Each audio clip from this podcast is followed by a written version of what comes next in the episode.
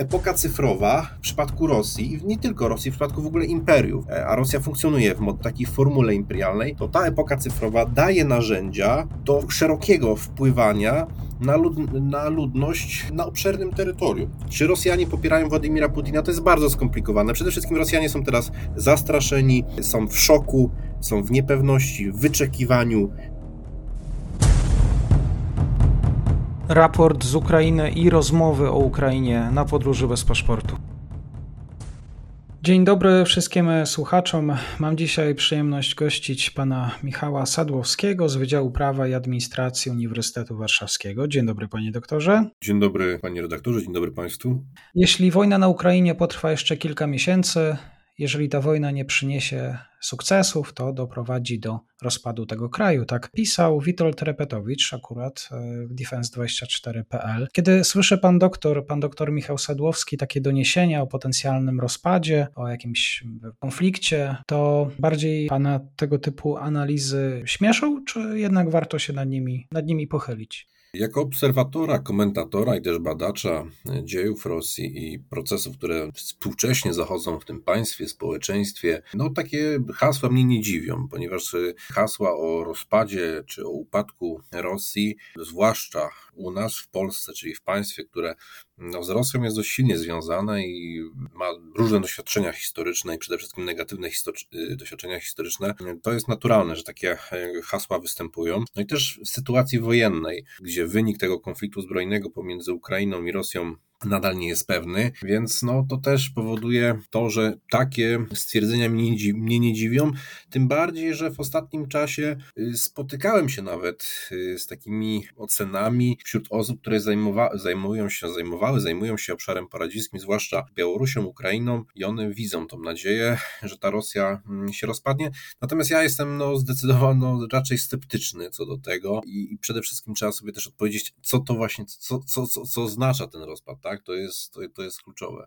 A dla pana doktora co to znaczyłoby, gdyby już się zadziało? No po pierwsze, musimy sobie odpowiedzieć, czy, czy będzie to rozpad polegający na tym, że struktury państwowe ulegną dezorganizacji, aparat państwa przestanie funkcjonować, przede wszystkim aparat centralny, następnie aparat federalny, władze samorządowe, czy elita zdezorganizuje się właśnie też na poziomie centralnym, na poziomie lokalnym, to jest po pierwsze. Po drugie, tak, czy dezorganizacja aparatu państwowego i sił zbrojnych, w tym e, sił specjalnych, czy też aparatu takiego przymusu w postaci postaci policji czy służb porządkowych Rosgwardii, czy to też pociągnie za sobą ewentualne, taki ewentualny rozpad terytorialny. I tu na tym się trzeba też tak zastanowić, natomiast no raczej ku temu nie ma, nie ma przesłanek i myślę, że naprawdę na zawsze, przede wszystkim też takie hasło się pojawia, ale moim zdaniem jest to hasło, żeby zbyt wcześnie podnoszone, ponieważ sam wynik konfliktu zbrojnego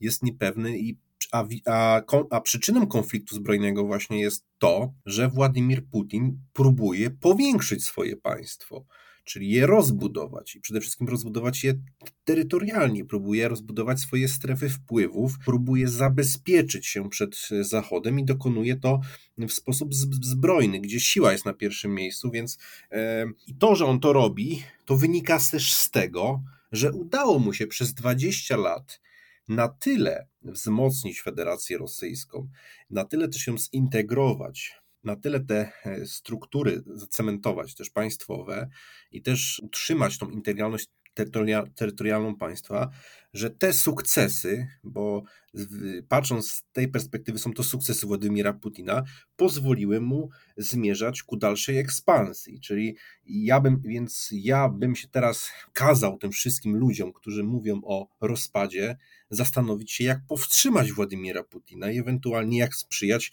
zmianie władzy w Federacji Rosyjskiej, a nie doprowadzać do upadku Rosji, bo sam upadek Rosji, zarówno w takim wymiarze dezorganizacji aparatu państwa, jak i dezintegracji terytorialnej, może być dla nas niezwykle niekorzystny. Przecież może mamy, możemy mieć problemy mm, z bardzo burzliwymi procesami na Kaukazie Północnym. Możemy mieć uchodźców z tego regionu, możemy mieć wzrost e, znaczenia procesów związanych z terroryzmem, z islamizacją. Przecież Federacja Rosyjska jest miejscem e, i też podmiotem, który posiada bardzo wiele broni, więc to też jest no, kwestia do zastanowienia, tak?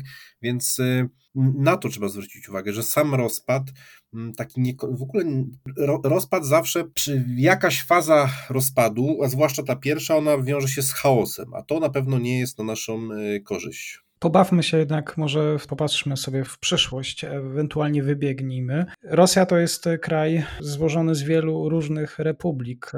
Gdybyśmy mieli wyrokować, spojrzeć na to, jak e, też republiki patrzą na politykę Kremla, kto byłby w tym pierwszym rzędzie, jeżeli chodzi o niezadowolenie wobec tego, co się dzieje, również może i na Ukrainie, wobec tego, co radzi Władimir Putin na Kremlu? Panie redaktorze, raczej nie ma takiego pytania. No, w sensie nie ma. Ja nie widzę, ja nie widzę ta, takiej, takiej polityki, takich tendencji, takich zjawisk, które powodowały, że decyzję Władimira Putina w, określonej, w określonym podmiocie Federacji Rosyjskiej, bo Federacja Rosyjska nie, nie tylko składa się z republik, ale też innych kategorii i łączna taka zbiorowa nazwa to są te subiekty, czyli podmioty Federacji Rosyjskiej. One są na tyle zintegrowane z Federacją Rosyjską, czy też politycy, którzy tam rządzą, są na tyle zintegrowani z centrum, że naprawdę oni nie myślą w takich kategoriach, nie rozważają w takich kategoriach przede wszystkim o swojej przyszłości. Natomiast jest inna kwestia. Decyzja Władimira Putina dla wielu regionów, czy dla wielu terytoriów e, Rosji jest przede wszystkim niekorzystna z, z punktu widzenia e, handlowego i handlowo-inwestycyjnego, bo nawet na takie regiony jak Tatarstan na przykład e, rozwijały swoje określone relacje, tak, handlowe, naukowe, nie tylko z Białorusią na przykład, tak, czyli z takimi państwami, które są blisko zintegrowane z Rosją, ale też z Polską. Poza tym na przykład Tatarstan jest regionem, gdzie rozwijają się określone procesy, jeżeli chodzi o tak, ochronę języka, używanie tego języka, więc też taka fala tak, wzmożenia szowinistyczno-imperialnego również jest na niekorzyść. Natomiast tam myślę, że na razie nie ma takich zjawisk, polegające na, na narodzeniu się jakiegoś separatyzmu. Tak? Na pewno ludność Rosji aktualnie cechuje bierno. Mimo wszystko, mimo protestów, mimo fali migracyjnej, której, której jesteśmy teraz świadkami, ta fala migracyjna właśnie zmierza do Armenii, do Gruzji, y, nawet troszkę do Azerbejdżanu, do Uzbekistanu, do nawet Kazachstanu, tak?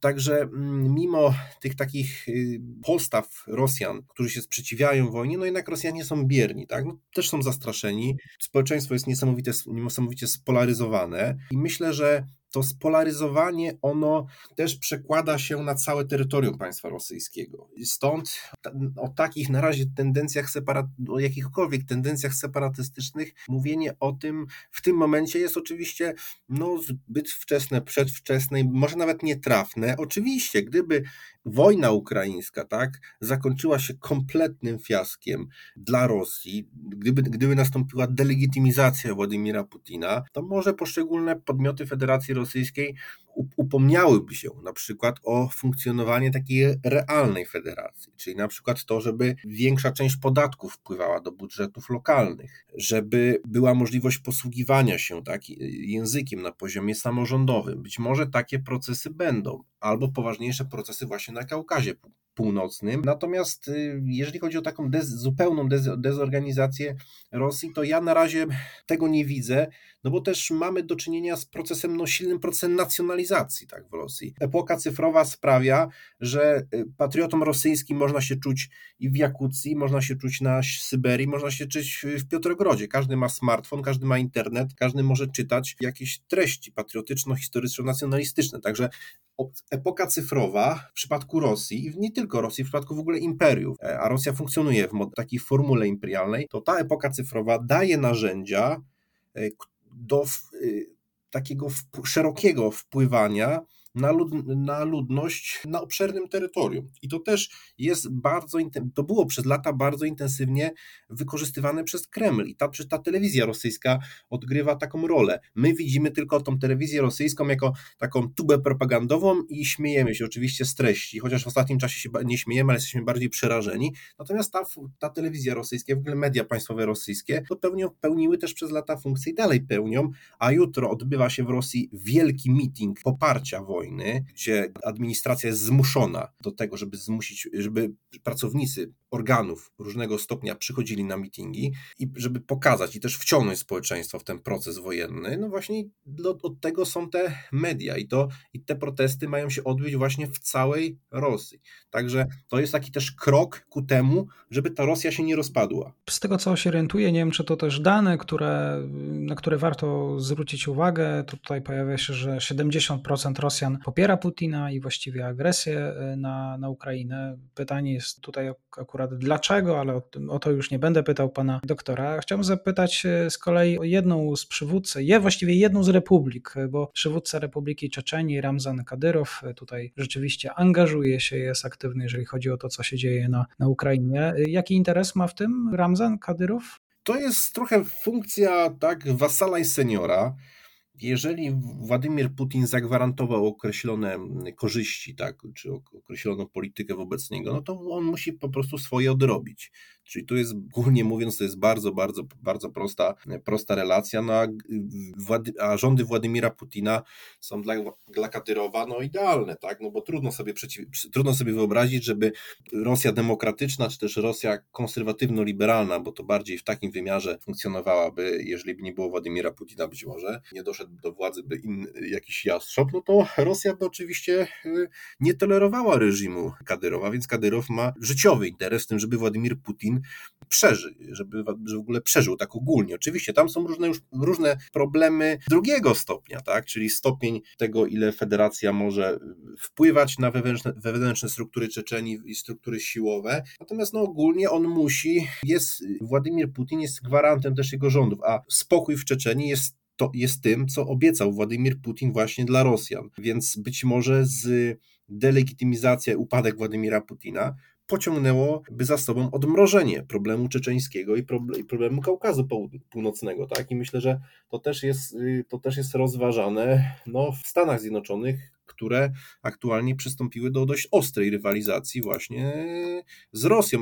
A czy Rosjanie popierają Władimira Putina? To jest bardzo skomplikowane. Przede wszystkim Rosjanie są teraz zastraszeni, są w szoku, są w niepewności, w wyczekiwaniu, y, boją się o swoje życie, boją się przede wszystkim o swoje oszczędności, o najbliższych. Wiele Rosjan uważa, że Krym jest rosyjski, że Ukraina naruszała prawa językowe Rosjan, że Donbas też powinien być rosyjski, ale z drugiej strony na przykład ta część Rosjan wskazuje, że inwazja była błędem. Inni z kolei nie. Więc to też jest bardzo skomplikowane, bo stopień poparcia, na przykład do 24 lutego wiele osób nawet y, z, z Radia Echa Moskwy, tak, czy, czy z Carnegie Moskwa popierało określoną linię polityki Władimira Putina. Więc ja jestem bardzo, bardzo, bardzo sceptyczny co do, co do takich wyników ankiet, tym bardziej, że jutro będzie w całej Rosji będą, będą wielkie manifestacje, ale ludzie muszą przyjść na te manifestacje, którzy pracują w administracji, ponieważ stracą pracę. Więc jeżeli zobaczymy te kadry na ulicach, to powiemy, że ci ludzie popierają Władimira Putina i wojnę? No raczej nie. To jeszcze może tak na zakończenie, może to być zbyt banalne pytanie, więc proszę wybaczyć. Jeżeli rzeczywiście Republika Czeczeńska, Republika Czeczenii jest tak y, zaangażowana, jeżeli chodzi o ten konflikt na Ukrainie, to czy możemy wskazać y, może czy, czy wśród innych republik jest jakieś spojrzenie właśnie również w stronę Kijowa? Są republiki, e, regiony, które są mniej lub bardziej zaangażowane ja takich szczegółowych na razie badań i analiz nie przeprowadzałem. No na pewno, na pewno republiki, na pewno ludność, gdzie na przykład y, jest kwestia islamu, kwestia Tatarów, to one też były zaangażowane w tą dyplomację. Tak? No, w przypadku aneksji Krymu, w przypadku integracji Krymu z, ze strukturami państwowymi Federacji Rosyjskiej, na przykład y, elity Kazachstanu były wykorzystywane i też przekonywały tak lokalną ludność muzułmańską do tego, żeby nie sprzeciwiały się aneksji, włączeniu, więc na przykład to jest wykorzystywane. Natomiast no, sam konflikt na Ukrainie teraz jest bardzo trudny i też, bo trzeba sobie, bo Rosjanie teraz sobie zdali sprawę, że Ukrainy bronią mm, nie tylko tak zwani, tak, cudzysłowie nacjonaliści, łupowcy, banderowcy, ale przede wszystkim w armii ukraińskiej widziałem oddziały ormiańskie, większe oddziały gruzińskie, Białorusini, tak, czyli można powiedzieć, że to jest ogromny problem dla Kremla ponieważ okazuje się, że Ukrainy bronią nie tylko mityczni faszyści, naziści, co nie jest w ogóle zgodne z prawdą, ale broni po prostu ludność o, o różnej narodowości która po prostu zamieszkuje Ukrainę. I to też jest sygnał dla wielu narodowości w Rosji, że Ukraina do tej pory wstąpiła na drogę projektu e, integracji europejskiej, przynajmniej tak marzyła o tym, przelewa za to krew i tak naprawdę w tej Ukrainie oni nie byli prześladowani za, za swoje pochodzenie. I to może być też sygnał, i tego się boi Kreml, żeby ta ludność, y, ta, ta ludność etnicznie nierosyjska, tak, nie zaczęła mówić, że jesteśmy w samej Rosji, jesteśmy bardziej represjonowani niż w, tam, niż w tamtej Ukrainie. Sam prezydent Zeleński, tak, on nie ma etnicznych, y, tam ma skomplikowane korzenie, korzenie etniczne, tak, przede wszystkim też żydowskie, więc to też jest bardzo znaczny problem dla Kremla, bo do tej pory Kreml budował taką narrację, że Federacja Rosyjska jest dom. Y, oczywiście Rosjan jest tu najwięcej etnicznych, czyli ruskich, ale Federacja Rosyjska jest domem dla wszystkich narodowości. I właśnie wytaczamy wojnę, znaczy oni mówią wojna, tak? Wytaczamy tą operację specjalną przeciwko Ukrainie, żeby ta ludność tak, rosyjska przede wszystkim, mogła w Ukrainie żyć spokojnie. I to jest, y, to jest teraz niespójne i to jest ogromne zagrożenie dla tej narracji, przede wszystkim polityki Kremla wobec Ukrainy. Dzisiaj y, komentarz y, na temat tego, jak patrzą na to i republiki właśnie w kontekście tego rozpadu Rosji, który raczej jest na razie polityka science fiction. Serdecznie dziękuję. Pan doktor Michał Sadłowski, Uniwersytet Warszawski. Bardzo dziękuję. Bardzo dziękuję. Do widzenia.